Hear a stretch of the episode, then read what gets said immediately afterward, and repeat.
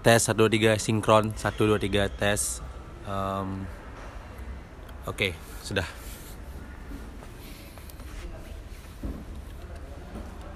Um, mana tadi smartwatch? Dah. Uh, halo semuanya, uh, saya Dwi di sini. Um, tadi saya bilang bakalan ada tamu yaitu teman saya sendiri yaitu namanya Dodi. Jadi kita di sini bakalan sharing tentang pengalaman apa aja yang sih sebenarnya di pernah dialami oleh Beli Dodi ini karena Beli Dodi ini saya lihat orangnya sangat optimis banget jadi um, perlu kita gali kenapa sih dia tuh optimis dengan dengan uh, apa yang dia jalanin gitu. Um, Oke okay, kita mulai aja. Um, mungkin kenalan dulu namanya. Oh saya Dodi, Mhm. uh, tapi sering disebut dengan Beli Dodi. Jadi. Dodi ya. Ya, Oh, brandingnya Beli Dodi ya. ya brandingnya Beli Dodi. Kenapa bisa Beli Dodi? Uh, rasanya gini, biar inget karena kan saya juga Bali, Mhm. makanya ya udah. Dan kebetulan nggak ada yang pakai namanya Mhm. Beli, ya Beli Dodi aja. Ya. Bahkan orang yang lebih tua juga manggil saya Beli Dodi. Ya, gitu. Ya benar. Jadi saya sebenarnya kita satu angkatan ya, mungkin ya. Angkatan ya. Angkatan ya. Uh, kita kenalnya tuh di awalnya di uh, BCC ya, salah ya. Pelatihan. Di pelatihan animasi. Kita kenalnya di pelatihan animasi. Kebetulan saya sebagai asesor animasi, sedangkan dia sebagai pesertanya gitu, pesertanya. Dan ternyata kita satu kampus. Dan ternyata kita satu kampus ya, benar kita satu kampus. Terus em, ya akhirnya kenal aja gitu ya, Eh, kenal aja. Terus, nah sekarang mau nanya nih sama Beli Dodinya, em, Beli Dodi sendiri tuh kan di bidang entrepreneur tuh saya kenalnya malah Beli Dodi sempat kerja jadi guru. Ya, sampai Nah, coba ceritain kenapa bisa jadi guru, terus kenapa akhirnya kok keluar jadi guru? Ah, Oke. Kak, saya dulu jadi guru itu dari tahun 2012. Mhm. 2012 itu kebetulan yang ah, pas itu adalah ketika saya pengen mau jadi businessman, artinya Mhm. mau menjadi entrepreneur. Entrepreneur ya. Tapi ya ada mantan guru saya yang di SMK. Mhm. Saya dulu kan SMK di SMK 1 Denpasar Mhm. dan mm, uh, beliau ngajakin saya untuk gabung. Mhm. Beliau buat sebuah apa namanya sebuah sekolah. Ya udah, Mhm. yuk gimana kalau gabung jadi guru gitu lah. Mhm. Ya udah saya, saya coba karena juga saya suka sharing kan, Sharing, suka ya, sharing. Dan selama tiga tahun rasanya itu udah pengalaman yang cukup untuk jadi makanya saya memilih untuk berhenti jadi guru itu karena kayaknya udah deh gitu. Saya Mhm. pengen lebih pengen lebih ngajarnya tuh bukan hanya satu lingkup sekolah, Mhm. tapi kalau ya goal saya ke depan sih bisa nge-share ke seluruh orang yang ada Hmm. ya minimal lah di Bali kayak Oh gitu. gitu. Heeh. Iya ya. Soalnya saya lihat dari soalnya saya lihat dari um, Insta soalnya saya kan orangnya kepo banget ya. Jadi um, melihat is- uh, Instagram beli terus lihat postingannya beli itu kayaknya positif banget. Um, boleh tahu nggak kenapa bisa mesti kayak kayak kayak berubah gitu kenapa harus mindsetnya kita harus berubah dari yang pekerja biasa akhirnya berubah ke um, sekarang entrepreneur kenapa?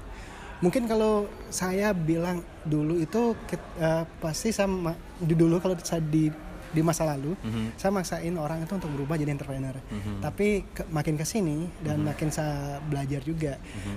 tidak semua orang yang bisa cocok jadi entrepreneur. Mhm. Jadi orang yang udah berani mengambil risiko itu boleh silakan ke entrepreneur. Tapi kalau Mhm. udah orang yang main aman aja ya karyawan lah lebih bagus gitu loh. Mhm. Nah, kenapa saya bisa berubah itu ya karena memang tipe saya itu ya agak susah bisa punya atasan gitu lah istilahnya. Agak Jadi susah. punya rule sendiri ya. Ya punya role sendiri. Ya, Jadi ya saya pengen gini, pengen gitu. Tapi ya semasih yang malah tantangan beratnya adalah Mhm. Kita itu tidak punya pimpinan, tapi yang kita yang ngatur diri kita sendiri. Itu itu tantangannya. Self management. Self management. Self management ya benar. Itu tantangannya. Ah, Oke. Ya itu benar. em, ya sama berarti kita juga kayak gitu. Jadi em, punya rasa pengen eh, mandiri. Ya, Jadi kayak gitu ya. Em, terus ada lagi satu. ya, mungkin ada beberapa yang saya mungkin pengen tahu nih pengalaman karena saya sendiri nggak terlalu mengenal Beli Dodi. Mungkin kita berteman, teman nggak terlalu kenal-kenal banget.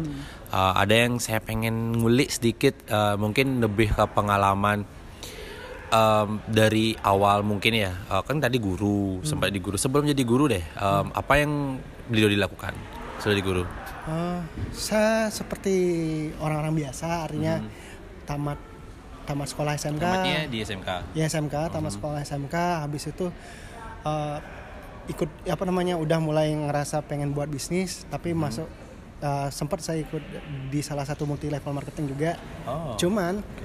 uh, kembali lagi ternyata di multi level marketing saya nggak cocok Mhm. nah akhirnya terjun lagi ke, ke- uh, kerja sama orang nah di setiap kerjaan yang saya ikutin tuh Hmm. tidak pernah yang namanya tidak sama perusahaan yang baru berdiri Oh, semuanya kayak baru startup lah. baru startup gitu loh Iya. jadinya ya mungkin nggak tahu gimana rancangannya Tuhan jadi Hmm. ya di sana saya lebih belajar lagi oh kayak gini perusahaan yang baru berdiri Hmm. dan sebelum sebelumnya kenapa saya pengen eh, tipenya saya tuh dulu itu orangnya Hmm. suka kompetisi jadi saya harus lebih baik lebih baik lebih baik Hmm. gitu lah istilahnya karena juga emang dari kecil walaupun saya anak tunggal Mhm. nah, bapak saya tuh harus tetap mempush ke saya itu untuk ikut harus ada selalu jadi yang terdepan jadi yang pertama jadi yang pertama kayak gitu Mhm. dan itu akhirnya ikut sampai sekarang jadinya itu jadi Oh. ingin jadi yang terbaik lah itu misalnya gitu Ya, jadi kayak karena anak pertama. ya Apa kabar? Baik Balik dulu nih. ya siap, siap, siap. Halo Nando. Kabar. baik baik. Ya, kita di interrupt sama Pak Nando nih. lagi lagi interview. Oh, it's okay, it's okay, it's okay. ya, ya selamat. ya. ya itu ada teman kita dari Nando mungkin bakalan ke depannya kita bakalan interview si Nando. dia keren juga Ah, dia keren. dia punya studio. Oke. Eh, balik lagi ya bener em, mungkin karena belinya dari em, ini ya kayak anak pertama ya. Saya baru tahu anak pertama berarti beli. anak tunggal Oh ya anak tunggal berarti saya baru tahu juga anak tunggal.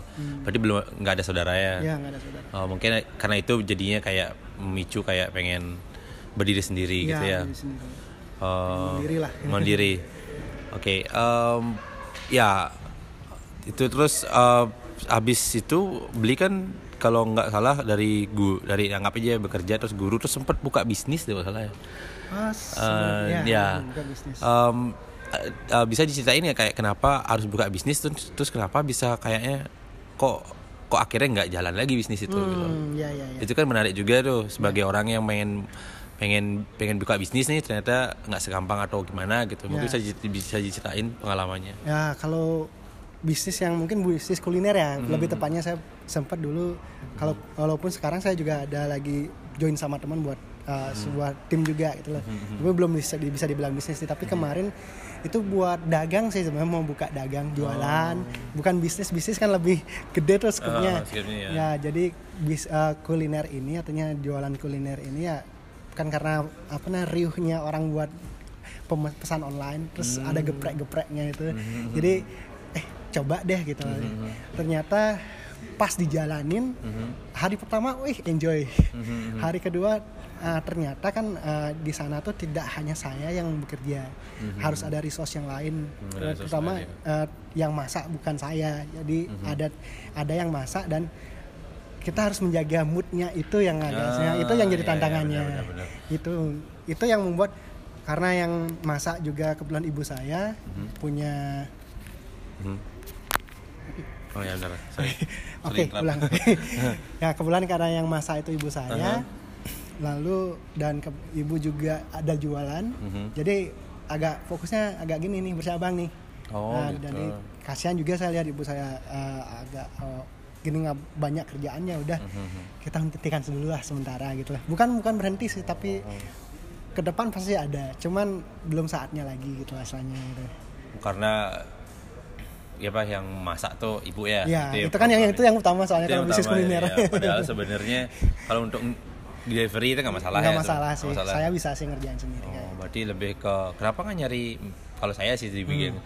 kenapa nggak nyari chef atau nyari outsourcing yang bisa dibantu untuk aja outsourcing ya itu kayak- kebetulan itu di awal belum ada modal nih. Oh, Eh, gitu. nah jadi benar-benar modal nol banget. Hmm. tapi dari tiga hari itu lumayan balik modal sih gitu lah buat bisnisnya itu. Ah, lumayan iya, balik modal tapi nggak semuanya karena ada beberapa dana yang tak beliin alat atau bahan eh Mhm. kotak sih kotak nasinya yang masih sampai sekarang masih belum dipakai gitu loh. jadi masih Oh, ada sisa gitu. jadi Oh, jadi sebenarnya jadi sebenarnya itu ya Hmm. eh, intinya itu si beli doli ini nggak mau merepotkan orang tua gitu. Hmm. Karena capek orang tua. Sudah uh, intinya sudah gimana ya sudah kita sebagai anak mestinya harus membahagiakan orang tua kita Ya. nggak mau merepotkan orang tua lagi gitu Ya. mungkin itu ya kayaknya Ya. makanya kenapa bisnis yang beli jalan itu kayak di di hold dulu lah Di hold. di diam Nanti dulu. kalau udah ber- berkeluarga baru aja Ah, lagi. Iya benar benar. Oke. Em, ya mungkin ini agak menyimpang ya dari dari entrepreneurship tapi karena rasa pengen tahu saya tinggi loh. Em, Beli Dodi itu soalnya saya kenal Beli Dodi itu pas di acara BCIC itu dia itu em, sangat semangat sekali bikin pas itu ikut animasi ya kalau salah ya. Iya animasi. Eh, ikut eh, eh, ikut ikut tentang animasi animasi terus saya lihat Bilodi itu kayak nggak tahu kenapa ya saya lihat kok dia pakai maaf nih sebelumnya Bilodi ya eh, soalnya saya tuh agak bingung lihat Bilodi awalnya. Tuh saya bingungnya kayak kenapa sih Bilodi harus pakai tangan kiri untuk eh, untuk bikin mouse? Ya itu Ya, itu betul, ya. itu benar ya. Dan kayaknya s- bayangin eh, dia tuh pakai tangan kiri terus eh, untuk kalau di 3D itu kan pakai nyentuh-nyentuh ke keyboard gitu. Dia tuh pakai tangan satu untuk ngelakuin itu dan bisa. Nah itu saya pengen tahu ini eh, mungkin diceritain sedikit. Karena saya sendiri sebagai temannya itu nggak pernah tahu eh, apa sih dan mungkin maaf nih kalau memang beli Dodi nggak bisa sharing nggak apa-apa tapi kalau saya saya sendiri sangat pengen tahu Iya. uh, ada apa dan ke- kenapa sih kejadiannya kenapa um, um, maaf nih kena tangannya Bu Dodi tuh uh, kayak nggak bisa bergerak gitu loh. Ya mungkin bisa ceritain sedikit biar saya tahu juga biar saya ini itu sebagai temen sebenarnya pengen tahu ceritain sebenarnya cuman ada rasa kayak apa tipu, sungkan ya sungkan sungkan Iya, istilahnya iya, itu loh iya. jadi saya pengen tahu mungkin beliau di kalau mau ngasih ngasih ngasih tahu Hmm. boleh kita sharing atau enggak nggak apa-apa sih Nah, gitu santai itu Ah. sudah uh, uh, Dwi itu orang sekian yang nanya saya Oh, masalah gitu. itu Berarti jadi nggak masalah pertama ya, pertama. Oke. cuman ya saya seneng itu buat artinya saya cerita ini juga buat motivasi teman-teman sih semuanya sih Hmm, benar. kebetulan kalau saya kenapa pakai tangan kiri terus Mhm. ini kebetulan tangan kanan saya ini uh, tahun 2005 tanggal 16 September itu saya kecelakaan kecelakaan Mhm. Naik- pas naik motor Oh, betul. itu plus eh pas kelas 2 SMK. Nah, pas Hmm. itu ada kegiatan yang namanya Puputan Badung Gerak Jalan dan Hmm. kebetulan saya jadi OSIS. Oh, jadi OSIS, jadi saya pengen bantu teman untuk eh, bagi konsumsi. Jadi Hmm. pas kejadian itu adalah pas mau perjalanan untuk membagi konsumsi. Hmm. Sebelumnya saya tuh kebetulan ditunjuk untuk jadi ketua panitia untuk Olimpiade Komputer seluruh Bali. Mhm, Yang pertama kali itu untuk SM, di SMK itu. Ya. Uh, lalu karena kecapean mungkin uh, dan beberapa hal lah juga ada sedikit. Dan pas perjalanan itu dan kebetulan saya cuman sendiri untungnya saya udah nggak ingat nih. Jadi long term eh short term memori saya atau memori jangka pendek saya tuh kejadian itu nggak udah gimana itu mungkin karena traumanya jadi ditutupin. Jadi kata teman saya itu saya menyalip mobil habis itu dari arah berlawanan mobil yang lainnya nabrak. Dan ketika itu kejadiannya hari Jumat jam 12 siang hari Sabtu pagi baru saya sadar benar sepenuhnya. Walaupun kata keluarga dan teman-teman saya udah ngomong gitu loh. Tapi eh, minggu paginya atau ya minggu paginya itu baru saya sadar sepenuhnya sih kayak gitu. Dan sempat dulu gara-gara ini kejadiannya kan karena itu dua minggu di rumah sakit dua minggu saya dibawa pulang kampung Mhm. untuk di apa namanya ya udahlah gitu. Tapi di minggu kedua saya tahu eh, saya baru tahu bahwa tangan saya nggak bisa gerak yang kanan. Eh yang ya yang kanan. Gara-gara istilah ke dokternya lexiplexus. Oh, itu ada dua eh tiga saraf utama. Satu saraf ini yang nggak bekerja Oh. kayak gitu. Kalau disuruh operasi pun kemungkinan berhasil 30% aja. Jadi keputusan orang tua dan saya pribadi ya nggak usah lah daripada bebanin biaya banyak kan itu misalnya udah kami pulang kampung eh, pas itu ada wacana bahwa keluarga besar pengen saya untuk berhenti sekolah. Cuman saya nggak mau. Itu pas SMK ya? pas SMK Oh, iya. saya nggak mau. Iya. dan awalnya sebelum kecelakaan itu saya introvert orangnya Mhm. introvert dan jarang keluar jarang ya pulang pulang sekolah rumah pulang sekolah rumah gitu lah Mhm. tapi semenjak saya kayak gini terus sempat saya agak depresi sih Mhm. dan jujur sempat pengen bunuh diri pada saat itu ya? Pada- pengen bunuh diri karena kenapa harus saya kan itu tapi ya Mhm. terus tak pikir-pikir dan sempat di pada suatu malam sih eh, orang tua terutama bapak sih bilang kalau di eh, apa namanya jangan menyerah gitu loh. Mhm, mhm. Kalau tan- tanpa Dodi kami itu bukan apa-apa di dunia ini kayak gitu. Ya udah Mhm. dari sana pengen berubah lah artinya nggak mau buat orang tua lagi nangis. Mhm. Jadi kita harus walaupun di dalam hati ya masih ada sedikit gini ya ya kecewa lah tuh karena diri sendiri kan kenapa harus kayak gini tapi ya kita harus menunjukkan diri bahagia lah di depan orang lain kayak gitu sih. Benar-benar. Jadi sebenarnya dari eh, saya lihat dari Beli Dodi ini ya, saya lihatnya itu dari postingannya Beli Dodi itu yang artinya pertama yang mungkin pas kenal itu saya eh, itu udah saya lihat semangatnya juangnya untuk belajar itu sangat bagus banget. Di situ saya lihat nih anak kok ini ya? Maksudnya kayak ada semangatnya sedangkan anak-anak yang punya misalnya kayak lengkap gitu masih males gitu ngelakuin suatu hal. Jadi saya lihatnya di situ. Terus beberapa kali saya lihat storynya beli Dodi itu biarpun kayak gini keadaannya beli Dodi itu rajin olahraga ya, Ya, rajin olahraga terus eh, pokoknya intinya semangat banget tuh. Saya lihat di story Insta story. Kalau nanti lihat deh. Nanti bakal saya isi eh, apa namanya? Link. Link ya, ya kan taruh link tentang beliau di di bawah. Nanti nanti bisa follow atau lihat storynya dia. Pokoknya bikin semangat aja. Ada berapa juga uh, sharing tentang finansial atau Ya, apa ya nanti ya. ya, nanti bisa di di sharing soalnya beliau di ini termasuk orang yang sangat sangat positif banget jadi sangat sangat uh, istilahnya optimis untuk menjalani kehidupan itu yang sebagai makanya kenapa saya angkat beliau di untuk masuk ke sini karena saya mikir uh, ini sebagai inspirasi kepada teman-teman yang yang mungkin apa ya yang kayak ngerasa down, ngerasa dia belum bisa ngapa-ngapain atau apa, terus sebenarnya masih ada jalan kok Ya. untuk belajar gitu. Oke mungkin itu rasa kepo saya sudah teratasi sebenarnya. jadi jadi saya udah tahu oh, ternyata karena kecelakaan. Saya kiranya dulu tuh nggak tahu kenapa mungkin soalnya mungkin pas sebelum kenal beliau dia ya, saya lihatnya masih normal aja. Eh belum masih, ya? masih. udah udah tuh kan 2000 kita kenal kan baru baru Oh iya. 2011 ya Ya, 11. Oh iya. Itu ya alasannya makanya saya saya agak kepo banget tuh soalnya saya lihat pakai berarti motor itu dimodifikasi dulu ya? enggak enggak Enggak ya. jadi saya tetap menganggap saya normal Oh. jadi jadi tidak ada modifikasi sama sekali dan saya masih gas masih tetap di kanan Oh gitu. dan motor saya ma- masih gigi sekarang bukan Iya, iya. magnetic Iya iya iya itu udah semangat hebat sekali. Soalnya saya punya temen nih cerita sedikit. Ada teman saya dulu uh, mungkin uh, karena flashback ya. Saya punya temen uh, dulu ajak main skateboard nih. Ya, ya. Uh, nah aku sering main skateboard dulu. Uh, dia tuh punya dia sempat kecelakaan dan sem- juga sama tangan kanan tangan Oh. kanan dia kecelakaan itu di di sungai Oh. di sungai itu dia tertimpa pohon kelapa wah teman saya itu juga oh, sama berarti si Rai Rai Rai, Rai Miana. Rai Miana ya. Oh, oh, karena ken- kenal ya teman satu Satu kelas satu dulu, kelas. Oh, nah SMP. nah itu SMA dia selesai karena itu ya mungkin sama kecerdasannya sama Hmm. Beli Dodi. Dia ketekanan mungkin dia nggak nggak bisa nerima itu dari maksudnya nggak bisa nerima Nah. akhirnya dia tuh selesai kuliah eh, selesai sekolah sih nggak kuliah selesai sekolah sekolah dan vakum kayak itu selama beberapa hari tapi akhirnya optimis Oh, Hmm. lama kelamaan optimis dan bisa malahan sekarang tapi itu bedanya dia tuh uh, tindakannya diamputasi dia Oh ya ditamutasi. Ya diamputasi dia pakai.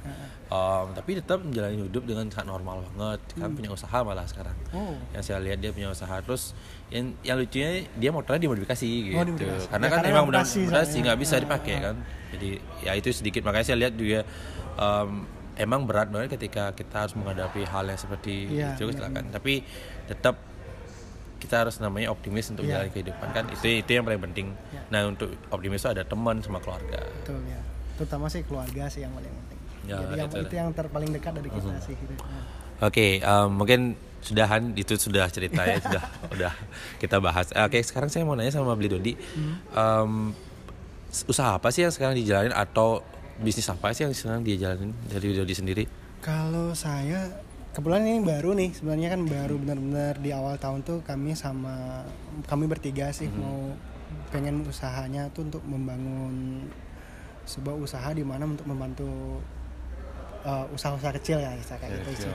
Dan juga untuk ada apa namanya ada premiumnya juga, tapi yang paling utama tuh goal kami adalah bisa membantu terutama usaha kecil bisa naik kelas. Nah, itu sih paling gininya gini apa namanya paling simpelnya sih dibilang. Oh, simpel sih gitu. Ya. Ini sebenarnya sudah dijalanin apa udah program atau gimana? Maksudnya sok ini berupa apa sih? Eh, lebih ke gimana ya? Ke lebih ke marketing. Oh, digital, digital. digital, marketing. Digital marketing. Jadi kami fokus ke digital marketing. Kalaupun memang branding ada mungkin butuh yang lain atau Mhm. butuh teman lain lagi juga untuk ikut gabung juga. Artinya sih kolaborasi sih intinya sih. Oh, tapi sudah dijalanin ya? Sudah, sudah, Sudah sudah, sudah, sudah sekarang ada beberapa proyek yang kami sedang jalan. Oh gitu. Berarti em, ya it- itu yang sekarang dijalani kesibukannya Ya. seperti itu Hmm. ya. Terus untuk eh, pernah ini nggak kayak misalnya beli em, masih freelance masih freelance? Uh, freelance masih, Hmm. artinya karena bisa dibilang masih di uh, self employee jadinya dibilang. Oh, so- Jadi yang freelance kan profesional, kalau freelance itu jadi satu kuadran lah istilahnya. Kalau Hmm. bisa dibilang kalau ada kalau ada yang bisa eh, pernah baca Robert Kiyosaki itu kita masih di kuadran S. Oh, self employee belum belum belum punya bisnis Belum punya bisnis ya, ya. bisa kita samain sama orang yang dagang jualan lah itu Mhm. masih masih jadinya Masih ya. Ha-ha. Iya ya. Em, mungkin sedikit jam tengah jam, jam apa berapa menit sih kita udah nih? Saya mau cek dulu. Em, ya Ah. baru 20 menit. Em, ada sih saya mau nanya, di, saya taruhnya di di note tadi. Ah ya. Em, nah ini saya mau nanya. Nah ini ada empat poin sebenarnya yang paling Ya, penting. Yang pertama itu sudah pengalaman, sudah pengalaman yang, nah ini Ya, oke. Em, pengalaman yang berkesan deh sekarang Hmm. berkesan dan nggak berkesan dal- dalam menjadi nggak aja saya bilang beli ini entrepreneur ya, Ya, entrepreneur. karena entrepreneur itu sudah melekat sekarang Hmm. saya pengen tahu sih gimana sih pengalaman yang berkesannya di entrepreneur dan tidak berkesannya nanti Nah, yang berkesan eh, entrepreneur sebelum- sebelumnya kan kita biar samakan gininya Ah. artinya entrepreneur kan itu adalah orang yang mau memecahkan masalah Mhm. dan mengubah itu menjadi uh, profit nah Profit, misalnya ya. jadi bisnis ya jadinya jadi problem itu diubah jadi solusi solusi itu jadi profit Mhm. nah kalau yang pengalaman berkesan itu adalah ada hal-hal baru yang kita bisa temui gitu loh Mhm. orang karena kita ketemu dengan orang yang baru kalau kita umumnya jadi karyawan kan nggak seperti itu Mhm. kita tetap di belakang meja dan nggak ada ya pekerjaannya itu itu aja tapi Mhm. kalau kita jadi entrepreneur segala bentuk sifat manusia kita temui perilaku Ah. manusia kita- itu yang berkesan Mhm. nah yang tidak berkesannya ya pastinya adalah mungkin ada beberapa hal yang tidak sesuai dengan keinginan kita Mhm. tapi kita tetap harus bekerjakan nah itu yang gini ya seperti Eh, pokok eh, mungkin seperti ngerjain proyek segini dan ternyata melebihi ekspektasi Mhm. disuruh lebih dari itu dan Mhm. tetap eh, nilai proyeknya sama gitu kayak Oh, gitu jadi gitu. ah kayak gitu jadinya Iya. ya ya benar-benar saya juga pernah merasakan seperti itu oke Iya. itu dari pengalamannya beli terus kalau saya lihat nih ah, malah jauh banget gini soal terus em, ya sekarang mau nanya nih tentang beli karena karena kan eh, sempat di Dilo juga kan. Ya di dulu jadi bagaimana sih perkembangan dunia industri kreatif menurut beli saat, ini? Industri kreatif terutama di Bali ya? Ya.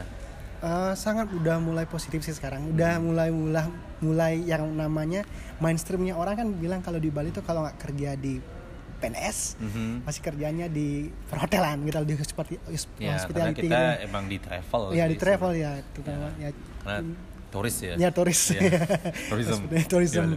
karena Bali kan kayak gitu Iya. nah ya sekarang itu ya kita lihat bahwa anak-anak muda di Bali itu udah mulai Mhm. yang namanya walaupun sedikit terlambat dari teman-teman kita yang di luar Pulau Bali Mhm. terutama yang udah mulai gini kan Bandung, Mhm. Jogja dan Malang itu Iya, udah iya, lebih benar. gede ya kita udah artinya positif bisa Bali itu ternyata bisa berkarya dan Mhm. banyak kok karya-karya dari Bali itu yang udah mendunia sih itu Iya, benar. sekarang mungkin dilihat itu dari 2012 itu mulai udah mulai sih udah mulai berkembang lah Udah mulai berkembang ya? industri kreatifnya di Bali Ya, kebetulan kita berada di BCIC.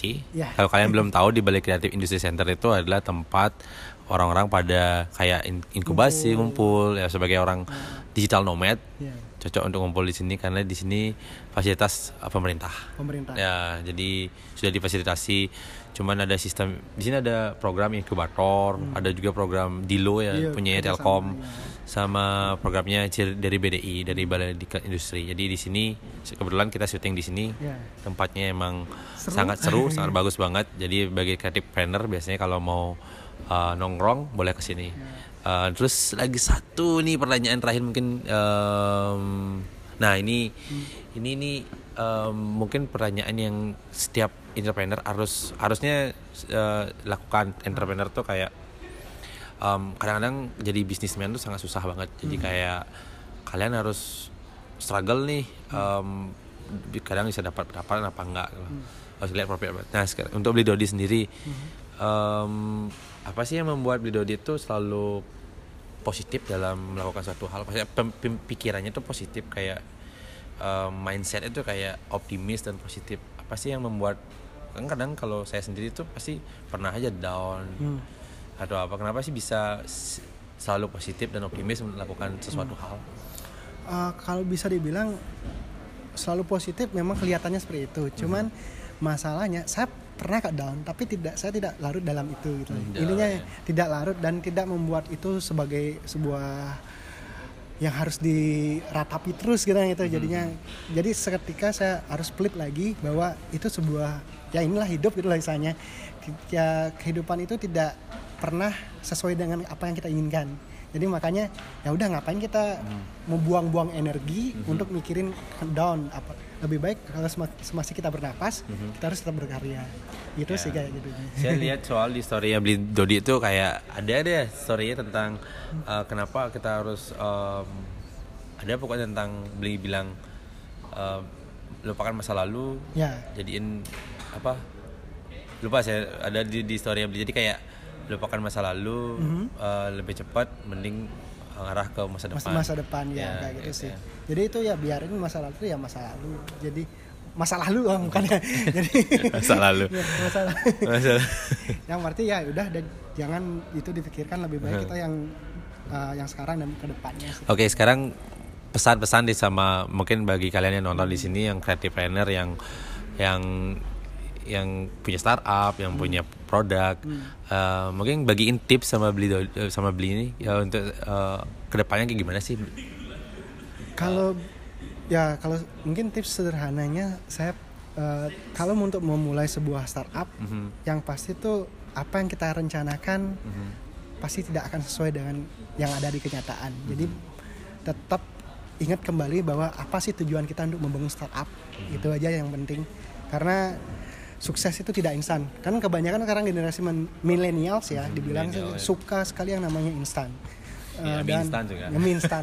Pa- pa- padahal mie instan juga dimasak kan lama juga kan Iya. nggak instan-instan banget kan Iya jadi yang pasti adalah sukses itu but, uh, sukses itu bukan sebuah hasil akhir, Mhm. itu sukses itu adalah sebuah proses dan kita harus tetap berusaha di antara proses itu dan nikmati aja prosesnya itu aja sih. Oke, Oke, gitu dari sharing kita sama Beli Dodi. Uh, mungkin video ini bakalan saya potong dikit-dikit kalau emang ada yang interrupt. Jadi um, ya uh, terima kasih sudah nonton video ini. Uh, jangan lupa di like, di, di share. Kalau bisa di follow Beli Dodi nanti saya bakal isi di description. Duinya. ya. Dan ini pertama kali saya bikin video loh. Nanti ke depannya saya bakal interview teman-teman saya yang mungkin nggak kelihatan di dia ba- balik layar soal teman-teman saya kebanyakan di balik layar. Jadi bakal interview kisah-kisah sukses, kisah-kisah pengalaman dia sebagai uh, entrepreneur kayak gimana. Oke, ya. gitu aja. Oke, Ya. gitu aja. Sip. Makasih ya. Udah lah, lumayan 30 menit gitu ya. Biasanya 45 gitu, tapi Oke. Record. Record.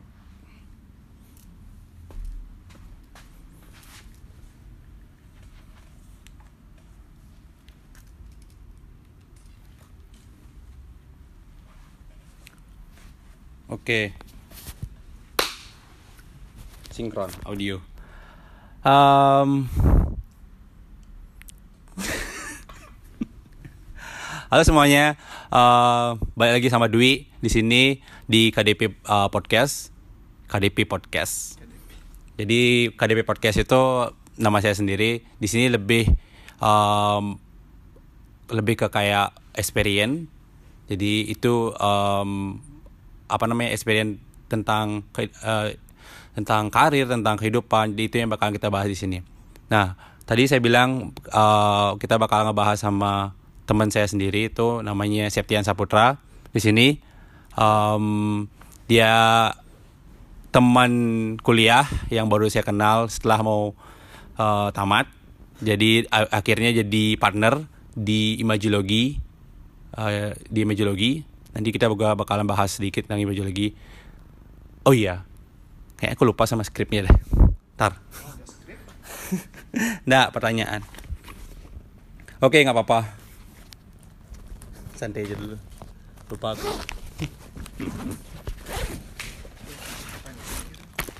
Nggak ada list list pertanyaannya aku list. Lalu tegang. AA one two three four five. Oke. Ini masih rekam nggak ya? Masih ya? Oke. Em, oke. Septian Saputra. Gimana kabar bro? Ah, baik. Eh, nggak usah dah gini, nggak usah terlalu formal gitu. oh, udah super mal ya oke. Nanti bahasanya bukan eh, anda, saya, aku, kamu ya. ya Jadi saya sama Dwi itu biasa pakai kowe, aku, kowe. Jadi, tapi aku sendiri nggak pernah pakai koi serius? iya aku biasanya lebih ke aku Oh, ya. atau kamu tapi nggak apa-apa sih maksudnya. Nggak, maksudnya eh, pembicaraan yang- yang aku kalau kamu memang ke kowe nggak apa-apa. Maksudnya aku lebih ke bahasa yang biasa aja. Biar, biar kal- relax aja gitu. Iya, relax. Sama kayak orang kalau di Bali itu orang pada ngomong kayak ci, Iya. tapi aku sendiri nggak pernah ngomong ci. Maksudnya ci itu kayak eh, nggak enak rasanya ngobrol kecuali emang teman-teman banget temannya diajak dia yang ngelawan kayak gitu kita ikut jadinya. Kayak dia duluan akhirnya kita ya udahlah. No. karena udah sen- udah kayak terbiasa. Tapi kalau untuk orang yang, berkenal itu kayak enggak deh gitu. oke Septian Saputra. Em, Asep. ya itu bisa dipa ada bisa disering Pak Asep. Ya aku panggilnya Asep sih. Septian Saputra itu nama lengkapnya Eh saya eh, di sini nih aku kan podcastnya sebenarnya mau nanya-nanya beberapa nih. Hmm. Em, aku tuh kenal sama kamu tuh di kuliah ya kalau salah ya. Cuman kita kayaknya nggak nggak deket banget. Hmm. ya, maksudnya nggak nggak pernah ngobrol. Dan aku baru kenal kamu pas em, tamat kuliah kalau salah. Ah, bener kan? Ya. Em, ingat ke kapan kita ke- kenalan sebenarnya? Apa pas di, dibikin imajologi atau sebelumnya Wah, jauh sebelum. Kalau seingatku ya, coba coba aku ingat-ingat juga ya. aku lupa memoriku kayak em, pernah nggak ya gitu. soalnya aku di kampus itu eh, aku tuh di kampus eh, soalnya ngampus habis itu sudah selesai ngampus habis itu pulang Oh, habis karena aku ada kerjaan dulu maksudnya aku bekerja habis itu eh, selesai bekerja habis itu selama dua tahun kayak aku kuliah itu masih kerja habis itu karena perusahaannya bangkrut Hmm. jadinya aku nggak kerja oke. jadinya uh, full aku ke- uh, kuliah itu udah kegiatanku kuliah tuh masuk habis itu pulang Ya. kayak gitu aja nggak pernah eh, nongkrong sama temen pernah pun nongkrong cuman ya semester 2 apa semester 3 itu baru aku mulai eh, ketemu sama Oyas ketemu sama Oh ya. em, siapa lagi ya malah Dina. Dina ya kayak gitu gitulah jadi dan pergaulanku belum belum sama mereka sebenarnya. Sebelum itu sama yang lebih katrok lagi. Maksudnya kayak sangkatan siapa ya? Eh, aku lupa namanya tapi dia tuh orang-orang jenius. Jadi aku ikut mereka gitu loh, Oh. sebelum kenal sama kalian. Berharap biar bisa nih. aku tipenya itu sebenarnya lebih ke parasit. Oh, parah sih. parasit tuh maksudnya eh, nyari peluang di mana orang pintar ya kita deket deketin. Jadinya kita bisa cepat kuliah ah bisa cepat lulus atau dapat nilai bagus kayak gitu sih. Oke, biar nggak keluar konteks ya aku singkat aja uh, untuk yang pertemuan tadi. Kalau nggak salah dulu kita ketemunya kuliah semester uh, sekitar semester 7 kalau nggak salah. Semester 7 dan itu pun kita kenalnya itu uh, nggak langsung kenalan gitu kita kan Mhm. dalam uh, ada dua dua geng Dua berbeda yang yang ngobrol di kantin kayak gitu, Aha. sering ngobrol di kantin akhirnya kita kenalan gitu Aha. dan kita se- seingatku kita lebih intens itu ketika kita waktu itu kamu dapat uh, kerjaan dari uh, seorang pemilik perusahaan IT untuk jadi apa ya kayak pengawas di SMK gitu. Ah iya, aku Ya, ingat. Lalu kamu hire aku sama lagi satu sih, Nico namanya. Uh, setelah itu kita makin makin dekat. Akhirnya dari sana juga uh, ketika kita ada mendengar peluang pembuat buat startup tahun 2015 kalau nggak salah, itu kebetulan dosen pembimbing kami itu namanya Pak Martano uh, ngelihat kita sering sering bareng gitu loh jadi kita diajak untuk bikin satu perusahaan Mhm. bukan perusahaan sih kayak uh, uh, perkumpulan kreatif gitu loh dan itu tujuan awal itu bikin game dulu kan bikin game namanya Iya, iya. kalau nggak salah itu uh, apa ya kemarin itu Game. Uh, game Kita kendaraan dewa gitu apa itu apa kendaraan dewa? lupa aku namanya kendaraan dewa. Kok ah, Pak Martana bilang kan, Aha. kendaraan dewa. Oh. Kok ah, ini supaya nanti jadi perkumpulan orang kreatif sebagai wadah orang kreatif Aha. untuk menyalurkan hasrat eh, kreativitasnya, Aha. untuk menyalurkan hobinya. Jadi ini jadi semacam wadah atau vendor jadi. Oh ya, aku masih ingat Vimana namanya. Oh, Vimana. Vimana Studio akhirnya. Aku pernah dengar Vimana Studio. Nah, itulah cikal bakal kita akhirnya kita bentuk sa- satu uh, perusahaan desain dulu. Perusahaan kecil-kecilan sih namanya Mhm. Majilogi. gitu. Mhm. Ya itu itu awalnya ketemu dan aku juga ingatnya um, ya baru ingat ternyata kita tuh sempat um, itu kayak uh, nguji di SMK jadi lumayan dipa- dipanggil uh, seminggu kalau salah ya Iya. kayak nguji gitu. Nah di sini sebenarnya saya pengen tahu lebih dalam lagi masalah Septian sebelum ke imajologi ya.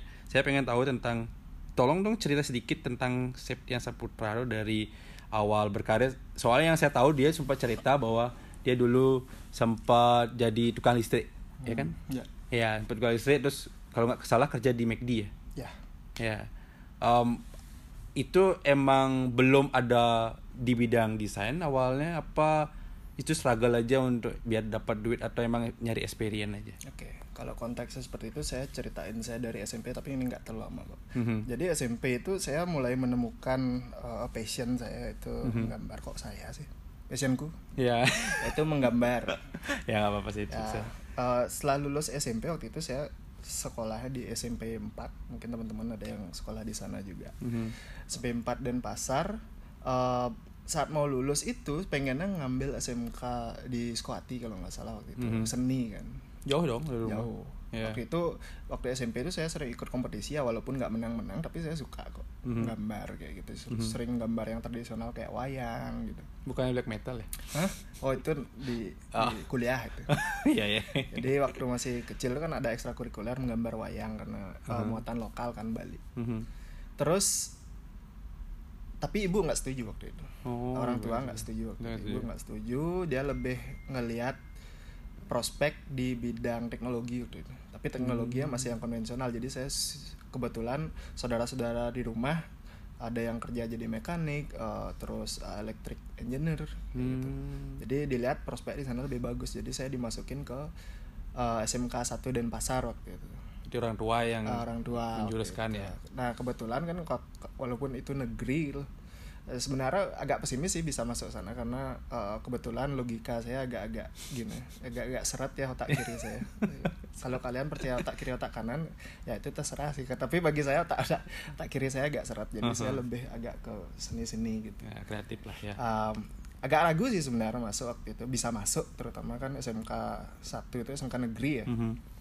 Um, tapi untung waktu itu masuk walaupun bukan jalur ujian tapi jalur nem waktu itu Mhm. Oh, nem lulus. istilahnya jadi uh, kebetulan mencukupi akhirnya masuk uh, ke kelas listrik. Mhm. Eh, jurusan listrik sorry Mhm. nah uh, selepas dari SMK itu sebelum saya lulus SMK lagi saya sebelum saya lulus SMK pun itu sebenarnya udah sempat kerja sambilan Oh sambilan. Sambilan. SMK sembilan. sambilan Oh, karena waktu itu udah selesai Sambilan tuh maksudnya kerja agak kerja sambil sekolah sambil sekolah. Berapa jam biasanya kerja? oh cuma dua jam kok dua jam Oh, sehari jadi waktu itu pekerjaannya eh, bersihin kolam renang itu pekerjaan pertama saya Oh ya? Kalau Ya. renang di? pool keeper di Oh Canggu. maksudnya kayak villa gitu? eh, bukan ya kayak tempat tinggal sih Tapi tempat tinggal, oh, Tempat tinggal. homestay gitu ya. Homestay gitu. Ya, ya, ya. Jadi waktu itu kalau nggak salah kalau ngomongin gaji sekitar eh, 250 sampai 300 ribu itu udah cukup banget untuk Iya, SPP, cukup. sebulan. Zaman. Jadi saya seminggu tuh cukup datang empat kali kalau nggak salah Hmm. untuk bersihin pool sama ngasih obat. Gitu. Um, SMK ya? Pas SMK, SMK ya? gitu. Wow. Nah setelah lulus SMK saya sempat nganggur setahun. Mhm. Nganggur setahun itu tapi nganggur pun kerja gitu kerja sambilan gitu. Oh, jadi sambil. Jadi nggak setiap hari kerja. Jadi waktu itu diajak sama uh, paman saya untuk jadi kayak tukang listrik gitu lah. Hmm. Kayak tukang listrik. Um, itu meningkat lagi gajinya.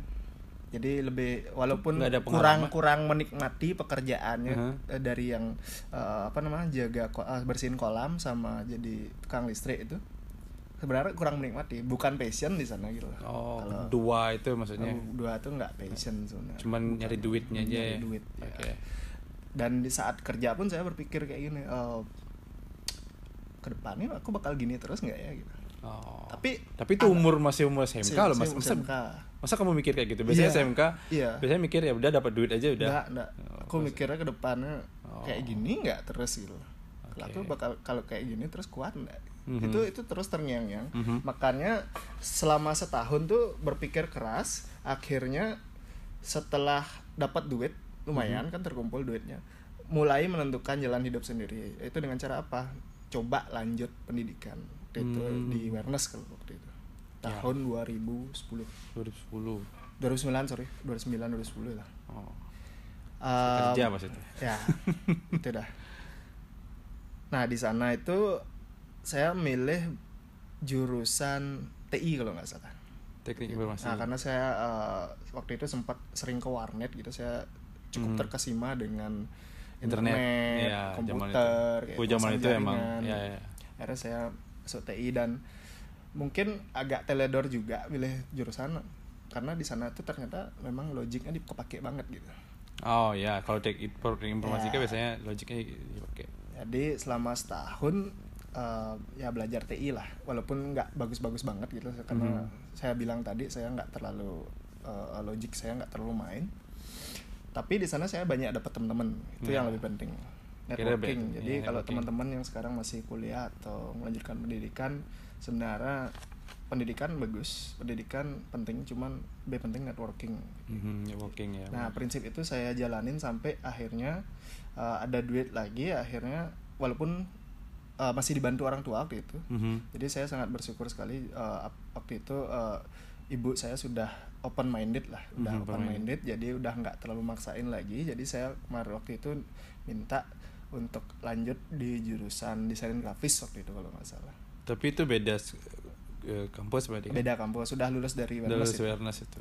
Akhirnya lulus awareness itu cepet kerja apa langsung langsung langsung Eh, di awareness itu s- tetap kerja sambilan waktu Oh, itu sambilan. kerja sambilan sebagai teknisi di salah satu supermarket di Bali Oh.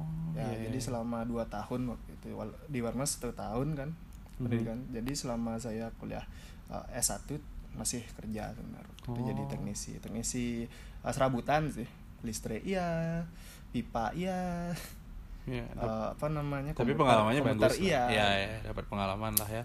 ya eh, yang bikin saya betah sampai 2 tahun itu sebenarnya karena apa namanya orangnya di sana friendly lah gitu Mhm, Suasana kerja lah. suasana kerja friendly tapi sebelum itu sebenarnya sebelum saya jadi teknisi selama di awareness itu saya sempat kerja sambilan cuma tiga bulan Mhm. di eh, salah satu restoran cepat saji di Indonesia ya. Oh, ya oke. Nah di sana saya kerjanya eh, ya serabutan lah bersihin meja terus eh, bikin ayam, bikin burger kayak gitu. Jadi kan shiftnya ganti-ganti. Iya, iya.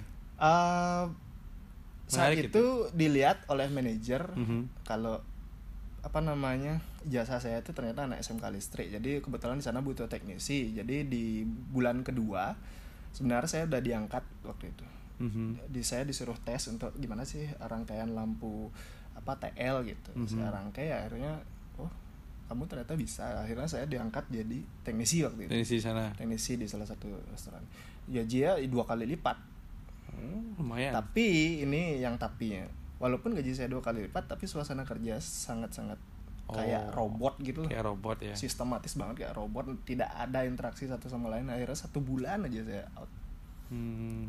ya jadi saya nggak terpaku sama gaji waktu itu. tapi setelah itu saya masuk ke inilah jadi teknisi di salah satu supermarket itu dan Oh. orangnya friendly walaupun gaji jauh di bawah aduh saya betah iya sambil saya kuliah juga kan waktu itu Ya, benar. S1 gitu Ya benar itu salah satu orang biasanya kalau di pekerjaan itu bukan masalah duitnya aja tapi environment di dalam pekerjaan itu sendiri itu yang biasanya orang bikin betah. ya pokoknya Ya. sampai stres lah Jangan sampai stres ya. Oke gitu. Ternyata menarik ya. Maksudnya kayak eh, perjalanan itu terus baru ke kampus. Eh, habis itu di kampus kerja nggak pas pas kuliah? Oh, pas kuliah ya waktu itu eh, setahun pertama semester 1, 2, 3, 4 itu sebenarnya nggak kerja Oh. jadi full waktu itu sisa uang kerja jadi teknisi itu saya pakai untuk dua semester pertama. Ta- jadi tapi di semester 3 sama 4 di support sama- masih di support sama orang tua. Hmm, oke. nah mulai semester 5 saya mulai dapat pelajaran komunikasi visual waktu itu. Mulai ngerti apa itu desain.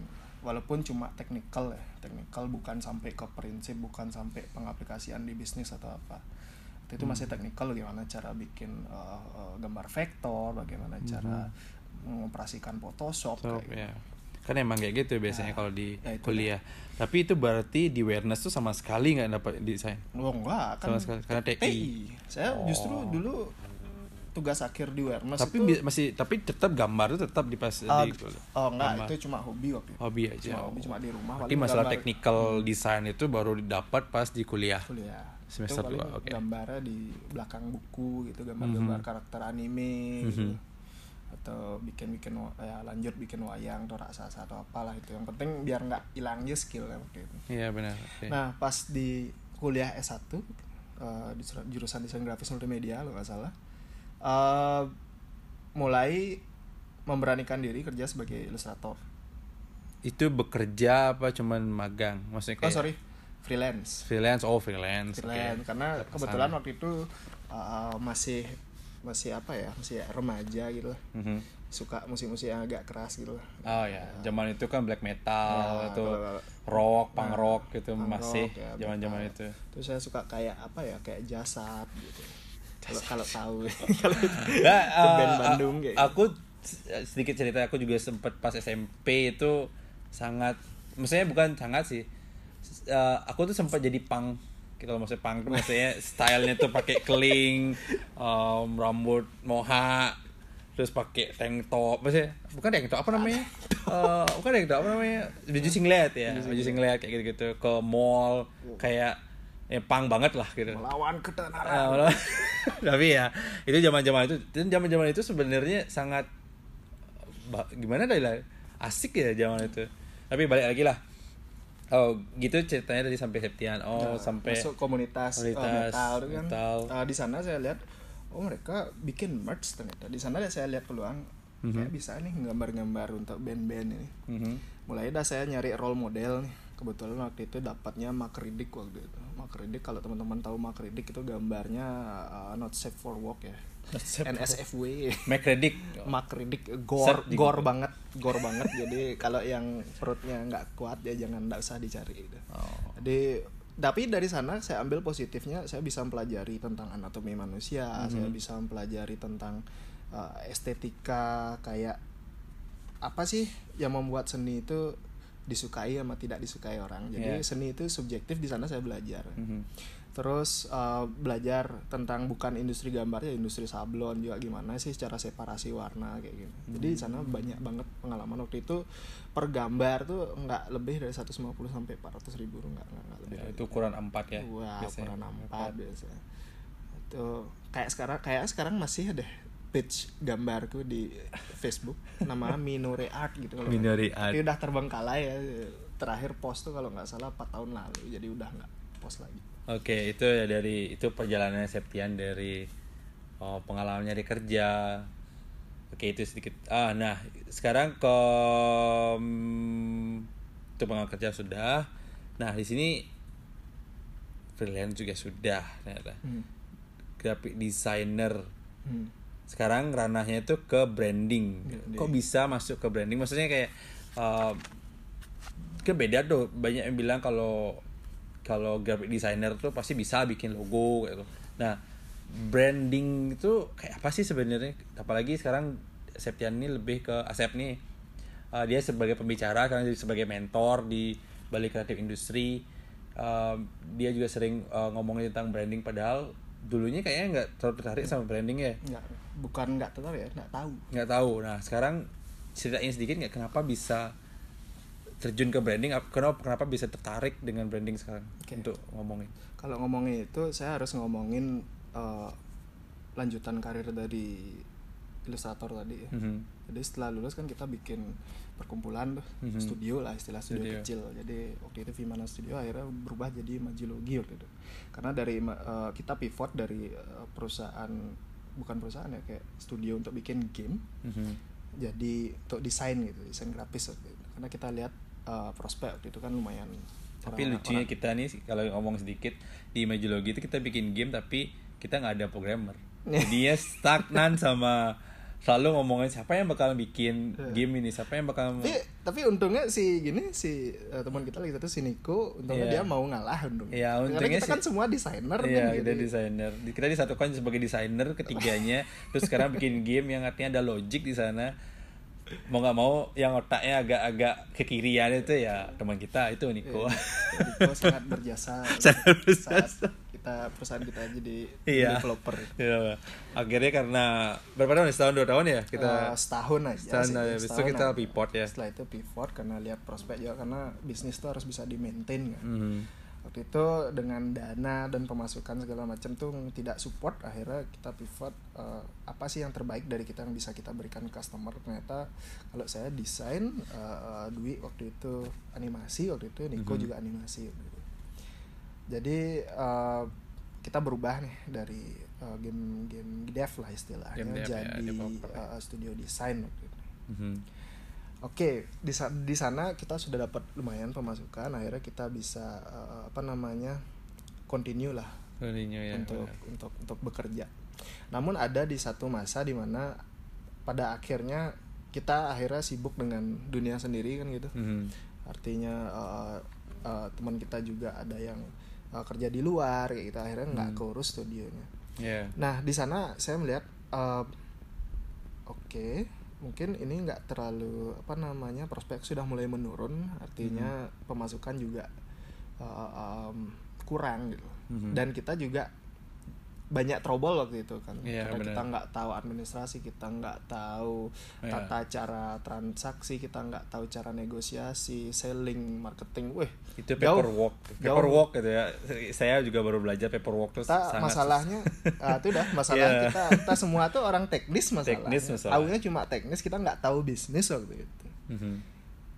di sana saya saya mulai berpikir akhirnya eh, apa sih kok aku ngerasa kurang kurang berarti jadi ya gitu apa yang aku bikin ini kok kayak kayak kurang dihargai gitu. Iya, iya, iya. Emang, mem- memang segini ya harganya atau eh, memang memang ini yang maksimal yang bisa aku kasih gitu. Mhm. Nah, saat itu aku dan dan Dwi waktu itu memutuskan untuk vakum sebentar. Ya, Iya, jadi sekitar tiga bulan tuh kita coba belajar menggali lagi apa sih yang sebenarnya bisa kita uh, uh, uh, berikan yang terbaik untuk customer. Iya. Gitu. Akhirnya saya menemukan gini problem sebenarnya yang supaya kita bisa solusi kita bisa lebih dihargai Mhm. supaya solusi kita dianggap lebih besar ternyata problem yang harus kita selesaikan tuh harus lebih besar waktu itu kita cuma menyelesaikan visual problem Visual problem ya. melalui desain Oh, desain.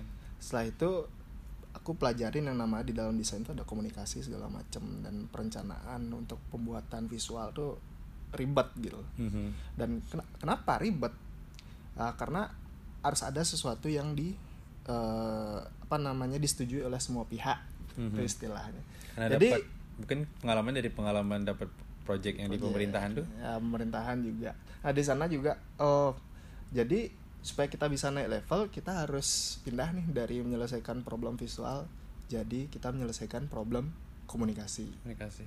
gitu jadi em, kita menyelesaikan problem komunikasi lewat jalur visual gitu Iya, iya. jadi dari sana kita mulai belajar yang namanya bagaimana cara presentasi cara buat brief cara uh, uh, project management dari sana Iya, benar.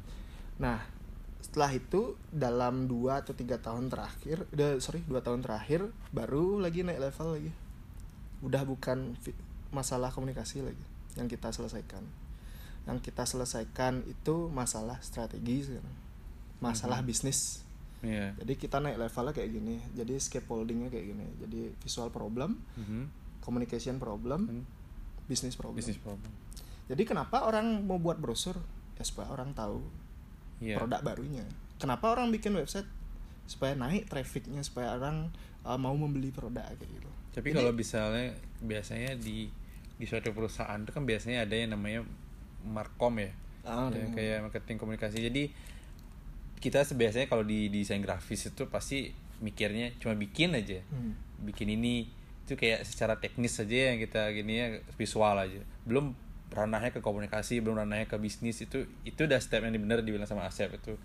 Itu yang mungkin belum dia nggak nggak tahu ada yang diajarkan mungkin atau emang eh, kayak kayak experience aja yang kamu dapat itu Um, apa kamu dapat belajar dari atau tidak atau gimana sebenarnya kalau yang saya pelajari waktu di kuliah mungkin karena kuliah saya juga nggak terlalu bagus ya. Jadi Hmm. saya di kelas juga kan main-main gitu.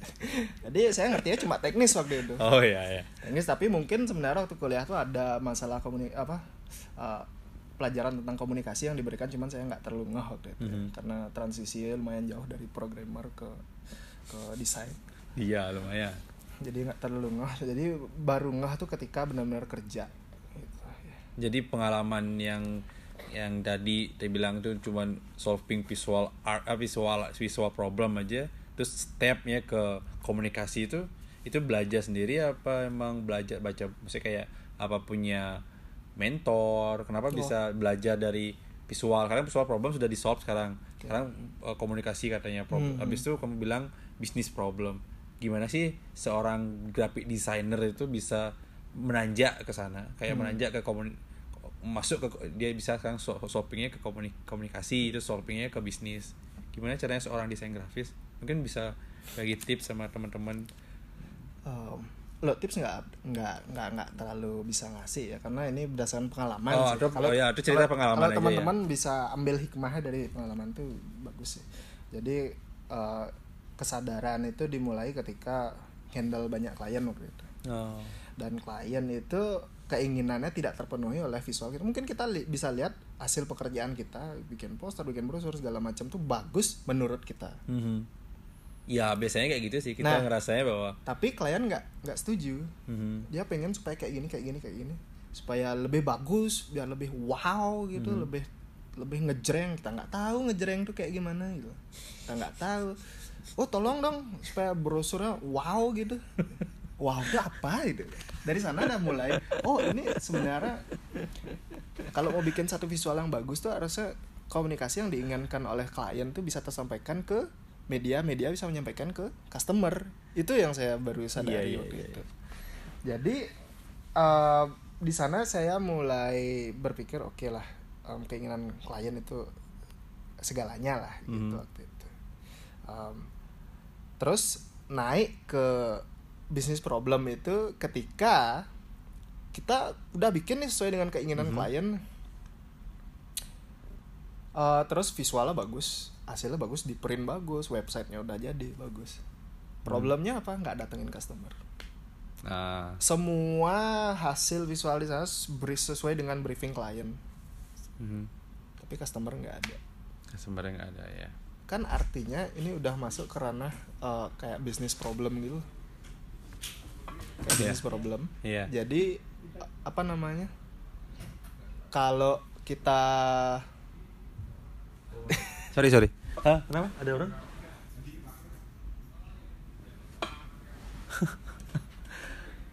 Oke cek dulu. Gini, kayak nggak apa-apa. Ya 30 menit tadi terekam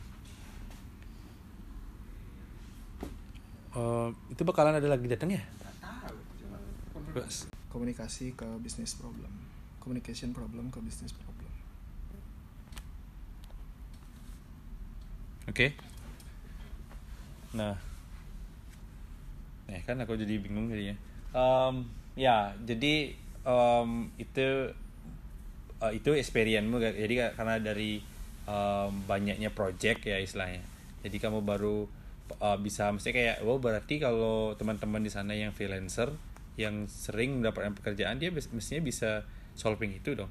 Iya, karena sudah merasakan ketemu klien dia ya orang-orang pada biasanya kalau dia tuh biasanya biasanya teman-teman yang freelancer pasti ngeluhnya kayak ngeluh-ngeluh sendiri bukan belajar dari pengalaman tapi lebih kayak ya udahlah aku ngikutin klien aja. Ujung-ujungnya kayak gitu kan. Ada yang soal beberapa klien itu kayak uh, kemauannya dia itu harus dipenuhi. Padahal sebenarnya customernya tidak tidak tidak butuh itu mesti jadi kita sebagai seorang freelancer biasanya ngikutin aja kira apa maunya si klien bukan customernya nah gimana caranya itu kita meyakinkan kalau aku sih sendiri nih gimana caranya meyakinkan suatu perusahaan yang di mana customer itu jauh lebih penting ketimbang kemauannya si dia Oke. Em, itu kita udah masuk ke ranah selling deh. Jadi Oh, selling, sales. Kita nggak ngomongin gimana cara meyakinkan gitu. Mhm.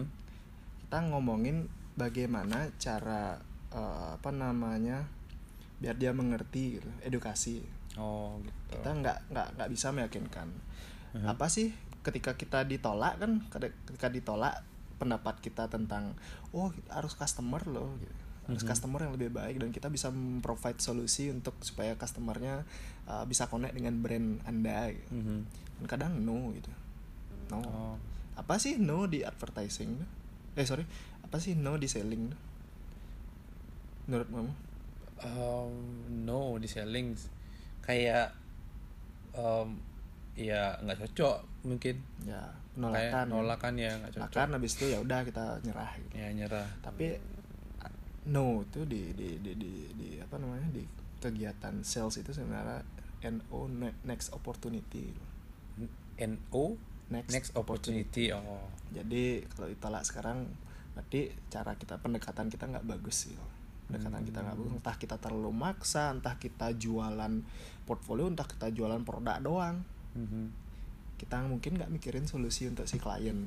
Oh, atau kita nggak mikirin problem sebenarnya dari bisnis si klien. Apa sih problem bisnisnya dia sebenarnya? Di sana lah uh, akan apa namanya akan dilihat oleh si klien kita worthnya seberapa sih. Kalau kita ngomongin mungkin ratusan juta itu harga yang mahal ya bagi sebagian orang. Kenapa dia nggak mahal? Karena dia nggak tahu value nya dan itu Iya. tugas seorang salesperson nanti uh, untuk mengedukasi ke klien value nya ini aja loh. Iya. manfaat yang didapatkan tuh nanti customermu bisa lebih mengerti tentang brand. Ketika dia sudah lebih mengerti dia bakal lebih apa namanya lebih intens berinteraksi dengan brand ketika dia sudah lebih intens dia akan loyal terhadap brand kayak gitu. Dan bagaimana cara kita mempresentasikan itu semua itu tergantung dari freelancer masing-masing bisa nggak dia gitu. Entah freelancer entah agensi. Harusnya kalau sudah sampai ke level solving business problem harusnya sudah bisa berempati ke customer eh sorry Mhm. ke klien sih. Jadi Oh, ketika kita apa namanya kita menyadarkan mereka kalau mereka punya problem bisnis Mhm. mereka bakal nyari kita kok nggak perlu kita nyari nyari mereka Oh, iya. mereka Itu- intinya buat mereka sadar sendiri karena menurut Seth Godin ya jadi eh, apa namanya dari buku yang saya baca This is Marketing Mhm. menurut Seth Godin itu eh, marketing marketing ah sorry selling itu adalah kegiatan di mana kita bisa memberikan solusi gitu. Mhm. kita bisa membuat customer itu oh, sorry klien itu menemukan solusi dari produk kita. Hmm, gitu. Jadi bukan untuk maksa tapi mengedukasi gimana caranya supaya dia realize sendiri problemnya Mhm. terus dia tertarik dengan produk kita kayak gitu. Iya itu, itu sih. Jadi kalau kalau kita ngomongin Ya. freelancer kamu siapa? Kamu aku saya ilustrator oh bukan. Kamu siapa? Oh aku animator bukan kalian semua tuh sales Hmm, karena tanpa sales nggak akan ada yang pakai jasa. Ya sih bener. Ya itu udah em, ya aku, aku sendiri sih gitu dari dulu. Kalau ngomongin tentang freelancer aku dapat kliennya lebih ke ngelobi sih sebenarnya. Hmm. jadi aku nganggap selalu aku nganggap eh, klien itu sebagai teman cuman tanpa ada batasan yang kayak dia tuh harus diservis sebagus Hmm. tapi tetap seperti servis sebagus mungkin. Maksudnya eh, cara cara Pendek- pendekatannya saya itu lebih ke eh, teman. Friendly, casual. friendly casual. Bukan kok yang makanya kenapa klien yang saya dapat tuh seringan yang friendly bukan yang kayak apa ya istilahnya? Yang kayak di biasanya kan ya gua dia pokoknya kayak eh, kita tuh melayani dia kayak em, kayak slave lah istilahnya kayak Hmm. bukan kayak gitu misalnya kayak dia bisa nggak soal eh, dia ngerasa kayak oh duitnya bisa ngelakuin ini. Bantu dia aja kasih kerjaan itu gitu. Kayak aku sih gitu klienku kebanyakan. Makanya em, kayak gitu. Maksudnya aku sama klien tuh nggak ada kayak bossy gitu loh nggak ada yang memerintah. Cuman dia ngasih tahu aja kalau misalnya ini yang diperbaiki eh, dia dan dan dia paham masalah. Biasanya klien tuh lebih paham sama kegiatan kita dia kayak permisi kayak sopan deh akhirnya karena dia ngerasa kayak udah temen. Oke. kayak itu aku bangun biasanya sama klien. Itu Em, oke nah di sini aku mau nanya sedikit tentang eh, plus minus sebagai entrepreneur coba. Coba kita ceritain kamu ceritain tentang plus minus jadi entrepreneur itu kayak gimana? Oke, kalau kita ngomongin minus, atau enggak dulu dulu kan kamu kan karyawan plus minus jadi karyawan apa sih Eh, plus jadi karyawan ya udah hidupmu terjamin. Mhm. Terjamin seberapa kamu kerja segitu kamu dapat duit. oke Ya kan? Kadang kalau nggak kerja juga gabut juga dapat duit tetap. Kan karyawan. iya sih Yang benar penting kita nggak melanggar aturan perusahaan. Oh. Jeleknya adalah em, ketika perusahaan tidak terlalu peduli tentang social life dari para karyawannya Mhm. gitu. Jadi ada satu masalah apa di dalam perusahaan eh, terutama hubungan antar manusia dalam karyawan itu Mhm. tidak dipedulikan perusahaan itu yang jadi problem di sana dah saya eh, agak-agak muak jadi karyawan sebenarnya. oh gitu Nah, jadi kita ada problem apa perusahaan tuh nggak care gitu Mhm. Tuh, walaupun problem itu bukan problem pribadi ya tapi Iya. problem di perusahaan antar karyawan gitu misalnya atau dengan uh, divisinya dengan fasilitasnya atau apa Mhm. itu Oke. Em, di sana sempat saya sempat dapat pengalaman yang nggak nggak nggak enak gitu. Iya, iya. jadi Saya- di iya. sana udah saya mulai oke lah em, nggak enak kayak gini terus gitu Mhm. dan masih ingat kan tentang uh, renungan saya waktu SMK eh, waktu lulus SMK itu bakal kayak gini terus nggak oh gitu itu itu bak terus saya pegang sampai sekarang pun kayak kayak gitu Oh. kita saya bakal kayak gini terus walaupun saya udah punya imajilogi ya Mhm. imajilogi uh, udah punya tim bakal kayak gini terus nggak kita gitu. Oh, kamu Tentunya pengen kita punya Ya, ya, visi kan Ngerti ya kok. Jadi kayak ada step, Step. kayak masuk stake 1, stake 2, stake 3 ya. Nah. Nggak stagnan dari Nah, stake itu itu, aja ya. itu ngerti. negat eh, sorry negatifnya kalau positif sorry positif jadi karyawan kamu hidupmu terjamin selama Mhm. kamu bekerja baik tapi negatifnya ketika kamu punya jiwa yang agak rebel atau atau em, perusahaan nggak terlalu care sama eh, apa namanya progresmu atau Mhm. kehidupanmu eh, di sana bakal banyak ada problem muncul itu Iya, jadi iya, karyawan. paham, terus kalau kita ngomongin entrepreneur nih Mhm. di sana kan saya sudah mulai apa namanya coba freelance dari Mhm. freelance baru bikin studio sama teman-teman ya. sama kalian kalau di sebagai entrepreneur bagus eh, kita ngomongin jelek aja deh Ya, ngomongin jelek aja deh. kita ngomongin bagusnya nanti Iya. jelek di akhir kepikiran jelek aja terus Iya, benar-benar. jadi jeleknya itu adalah em, ketika kamu nggak bisa maintain cash flow Cash flow, Itu yang iya, pertama benar. cash flow pertama Mhm.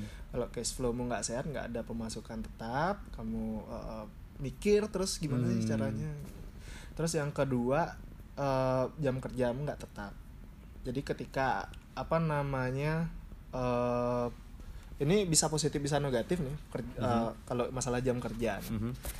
jadi kalau memang ada yang mendesak banget gitu kamu bisa seharian bisa satu satu hari itu bisa nggak tidur gitu bisa satu hari dua hari pernah kita sempat kan ada project di Nusa Dua tuh saya Mhm. sampai tiga hari nggak tidur Mhm. dan itu Iya. sampai gemeter tangan tuh dan sekarang udah nggak mau dapat pengalaman kayak gitu lagi jadi mulai time management mulai harus Iya, iya, gitu iya. loh. Benar, Jadi yang pertama tuh masalah duit yang kedua tuh masalah waktu Mhm. kalau yang ketiga itu masalah lingkungan. Lingkungan ya. teman-teman yang baru mulai usaha tuh pasti ada aja yang men- men- bukan mencibir ya kayak nggak yakin dengan apa yang teman-teman lakukan sekarang gitu Um, Ah, biasanya "Wah, sih gitu. kerja aja jadi apa PNS gitu gitu atau Dia- apa iya Kayak emang gitu. lingkungan sih lingkungan sebenarnya. kan gitu kalau tapi kalau bisa mentalnya melewati yang kayak kayak gitu dan kamu yakin ah kok jadi motivasi jadi kamu yakin ke depannya bakal kita bakal gini terus kayak kita bakal gini terus ya? Iya, ketika iya. kamu mikir kayak gitu terus kamu bakal nyari solusi sendiri kok Iya sih, ketika benar. kamu seorang kayak aku nih misalnya desainer Hmm. kamu kok bakal jadi desainer terus enggak kita udah punya bisnis nih saya punya tanggung jawab terhadap Hmm. karyawan terhadap tim Mhm. mau nggak mau saya harus belajar apalah itu tahu sedikit tentang administrasi lah tahu sedikit tentang negosiasi tahu sedikit tentang marketing lo biar Ya. nggak buta tapi kalau kamu memang nggak bisa harus ada budget lebih untuk hire orang yang lebih pintar dalam hal itu gitu. Iya. Nah. Kalau ya bener. Jadi aku sebenarnya lebih percaya yang kayak yang terakhir itu. Hmm. Kamu punya visi dan misi, tapi orang di, di, di maksudnya kayak orang yang kamu belum bisa melakukan itu, jadinya kayaknya modal. Jadi kamu bisa bayar orang yang bisa ngelakuin itu. Nah, dan satu lagi sih, kalau misalnya teman-teman yang sering termakan motivasi-motivasi oleh motivator ya, ayo keluar dari perusahaan anda sekarang, bikin usaha. Ah, jangan. Jangan. kalau masih bisa kerja baik, belum ada masalah di di dalam apa namanya saat bekerja, bekerja sebaik mungkin, serap ilmu semua ilmu yang ada di sana, kumpulin modal.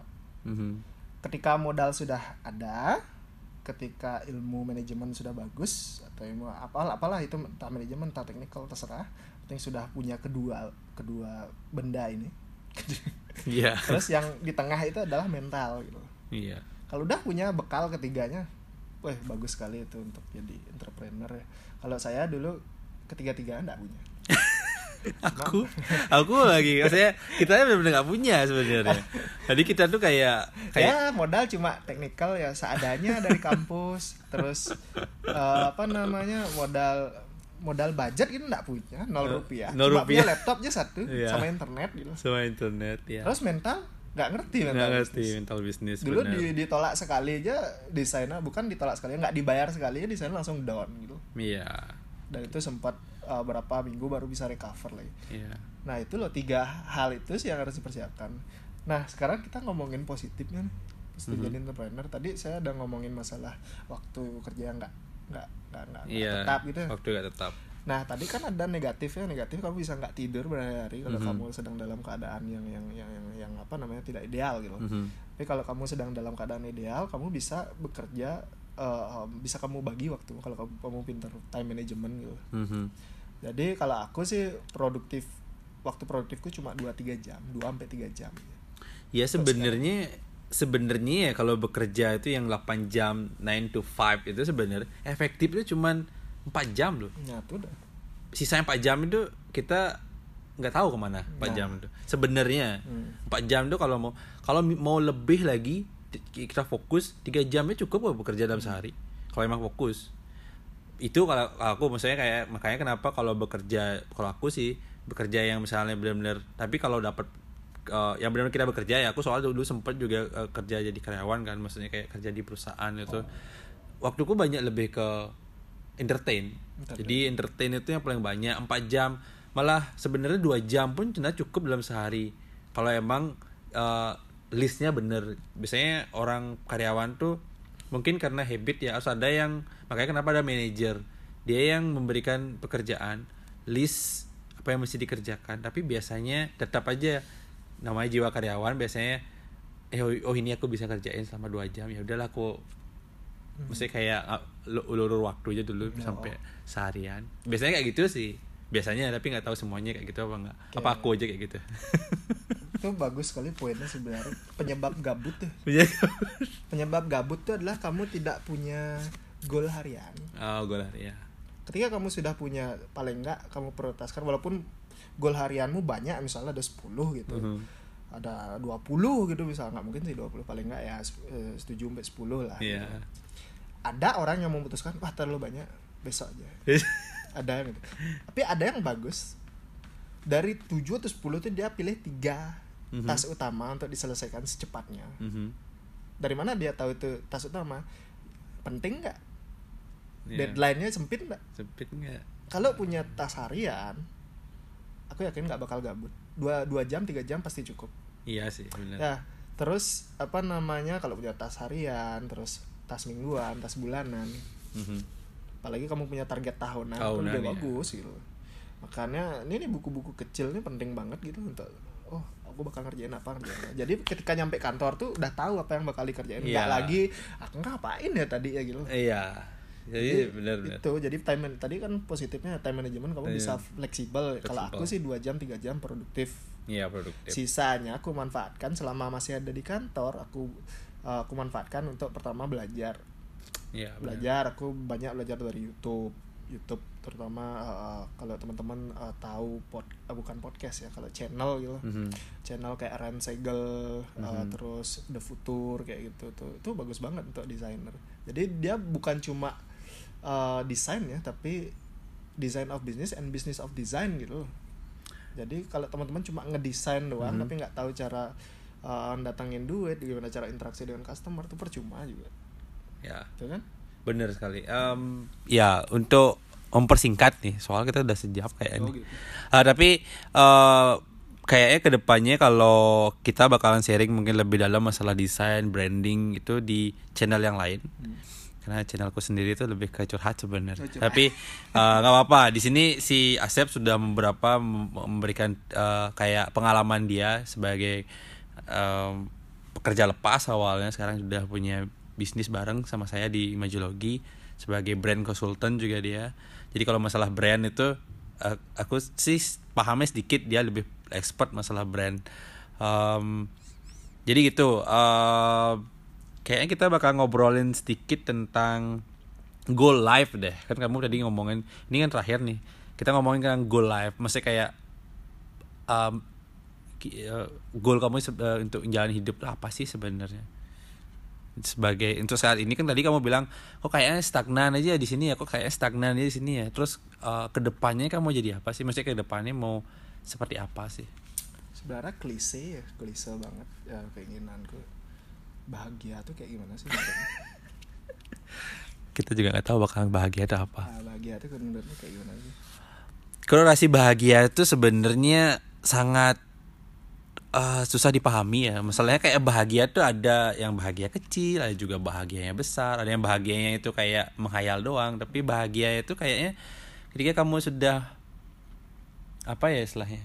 Kamu nggak ada pikiran beban dalam pikiranmu, itu bagiku udah bahagia. itulah tujuan hidupku gimana caranya Tanpa ada beban Eh, istilahnya. pertama em, finansial yang termanajemen yang pertama ya Hmm. termanage dengan baik artinya nggak terlalu mikir berat soal finansial bukan bebas finansial Mhm. bebas finansial tuh kasih dah yang yang yang apa namanya Yang orang umum oh, gitu, orang kasih umum. dah.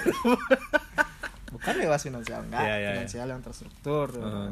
kedua keluarga yang bahagia ketiga yang berhubungan dengan bisnis ya bermanfaat bagi banyak orang jadi makanya aku nggak cuma serve klien ya jadi aku kerja di majalah nggak cuma serve klien tapi aku juga pengen sharing istilahnya saling sharing dengan komunitas-komunitas yang lain atau teman-teman yang lain yang bukan dalam satu bidang gitu loh nggak Mhm. nggak cuma di desain nggak cuma di branding tapi ada mungkin yang uh, di apa kayak agrikultur ada yang di Mhm. uh, ngurus coworking segala macam itu itu senang banget sharing gitu loh sampai sekarang Iya. pun saya kayak jalanin kegiatan itu ya Oh my god. udah habis Lupa aku.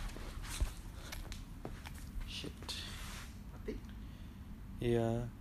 Deh deh. dari mana tuh Stop. Sinkron. Ya, oke. Tadi kita ngomongin goal life ya atau tujuan hidup. Kayaknya berat banget tuh omongannya. Em, tapi ya apa sih sebenarnya tujuan hidupnya si Septian, si Asep? Oke, sederhana aja sebenarnya dan klise. Sederhana dan klise. Bahagia, tapi menurutku bahagia itu adalah ketika aku bisa bermanfaat dengan orang dan aku menikmati itu dalam dalam prosesnya aku menikmati itu.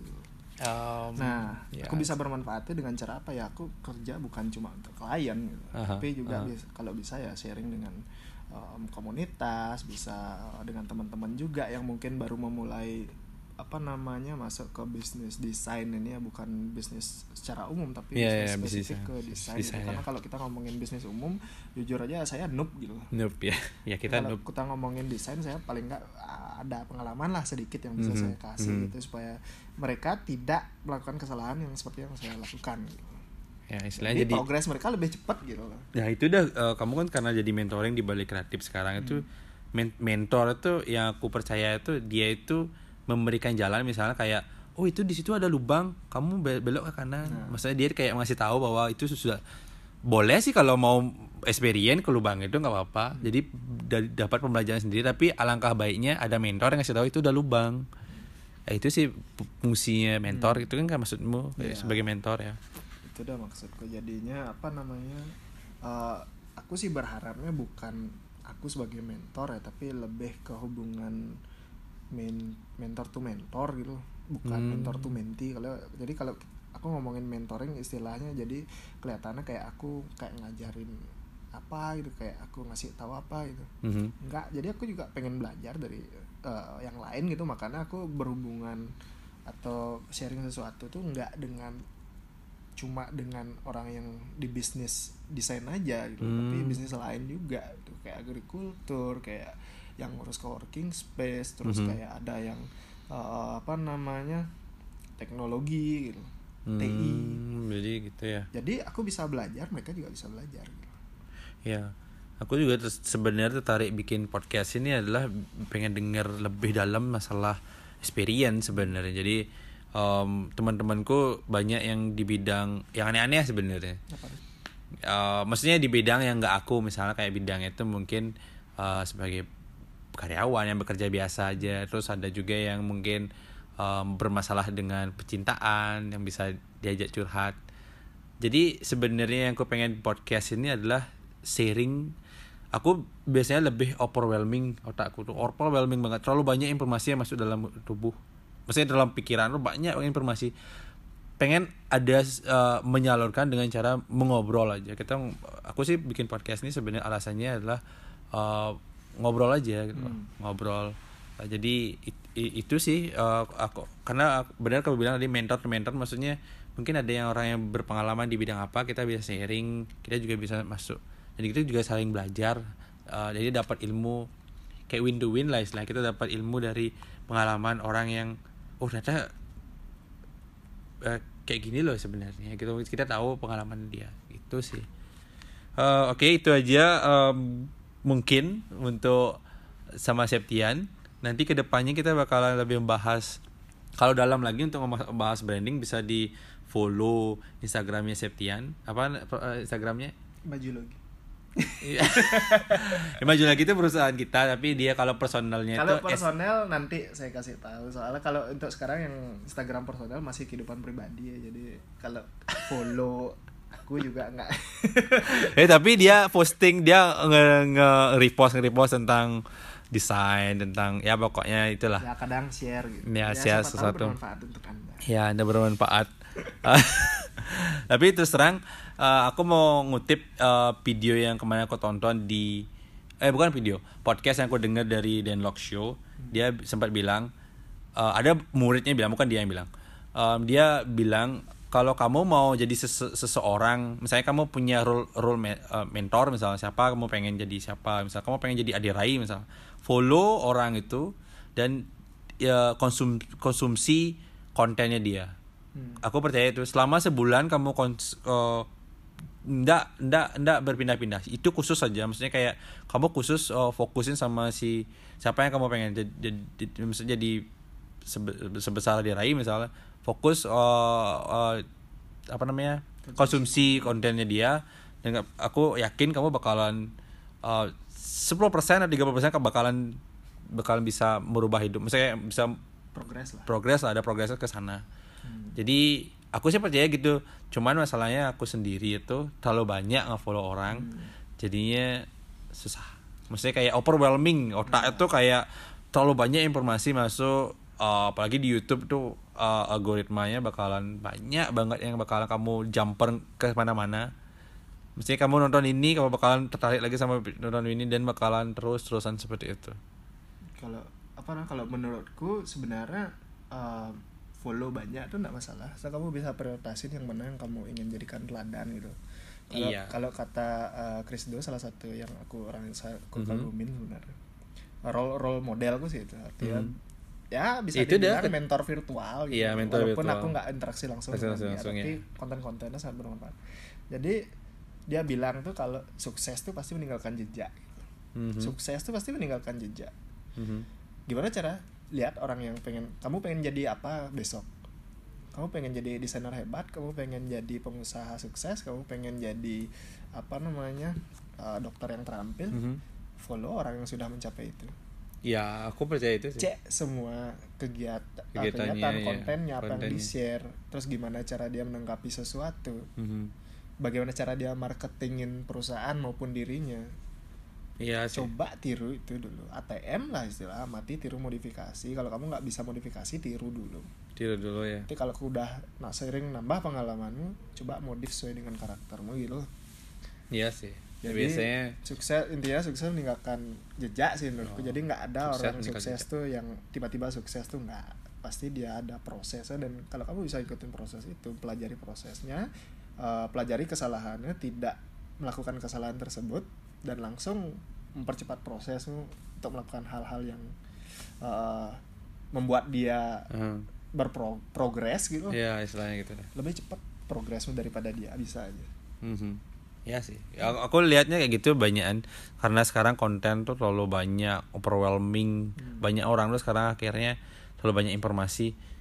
Ya, gitulah ya, jadinya. prioritas lah Prioritas ya bener ya boleh itu udah maksudnya di, di diprioritaskan yang mana mau. karena di YouTube ada tombol subscribe kan tapi sus tapi subscribe kan eh, kamu tidak dapat notif dapat ya Nggak kecuali kamu kamu hidup kamu gitu. kecuali kamu nggak pernah subscribe orang tapi kamu cuma kagumnya nggak pernah kamu subscribe ya di home kamu bakal tersesat gitu. iya sih aku sub- subscribe tapi bakalan notif. notif ya kalau itu Itu udah ya kamu prioritas lah prioritas lah prioritas yang lain gitu ya di notifikasi oke em, mungkin gitu aja kayaknya udah satu jam lebih Hai.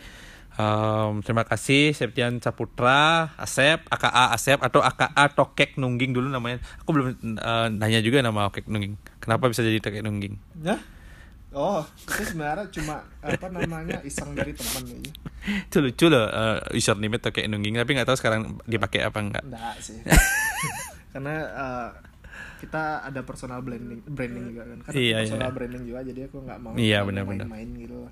Karena ada klien yang follow ada apa namanya mm, aku juga harus ngasih teladan mungkin aku aku nggak pede ya tapi Uh-huh. tapi mungkin ada aja uh, anak-anak mungkin yang masih kuliah itu follow aku aku nggak mau ngasih mereka contoh yang jelek gitu Oh iya iya iya. Jadi, Jadi bahkan dari sekedar ya. nama pun udah aku rubah dari berapa lima tahun lalu gitu.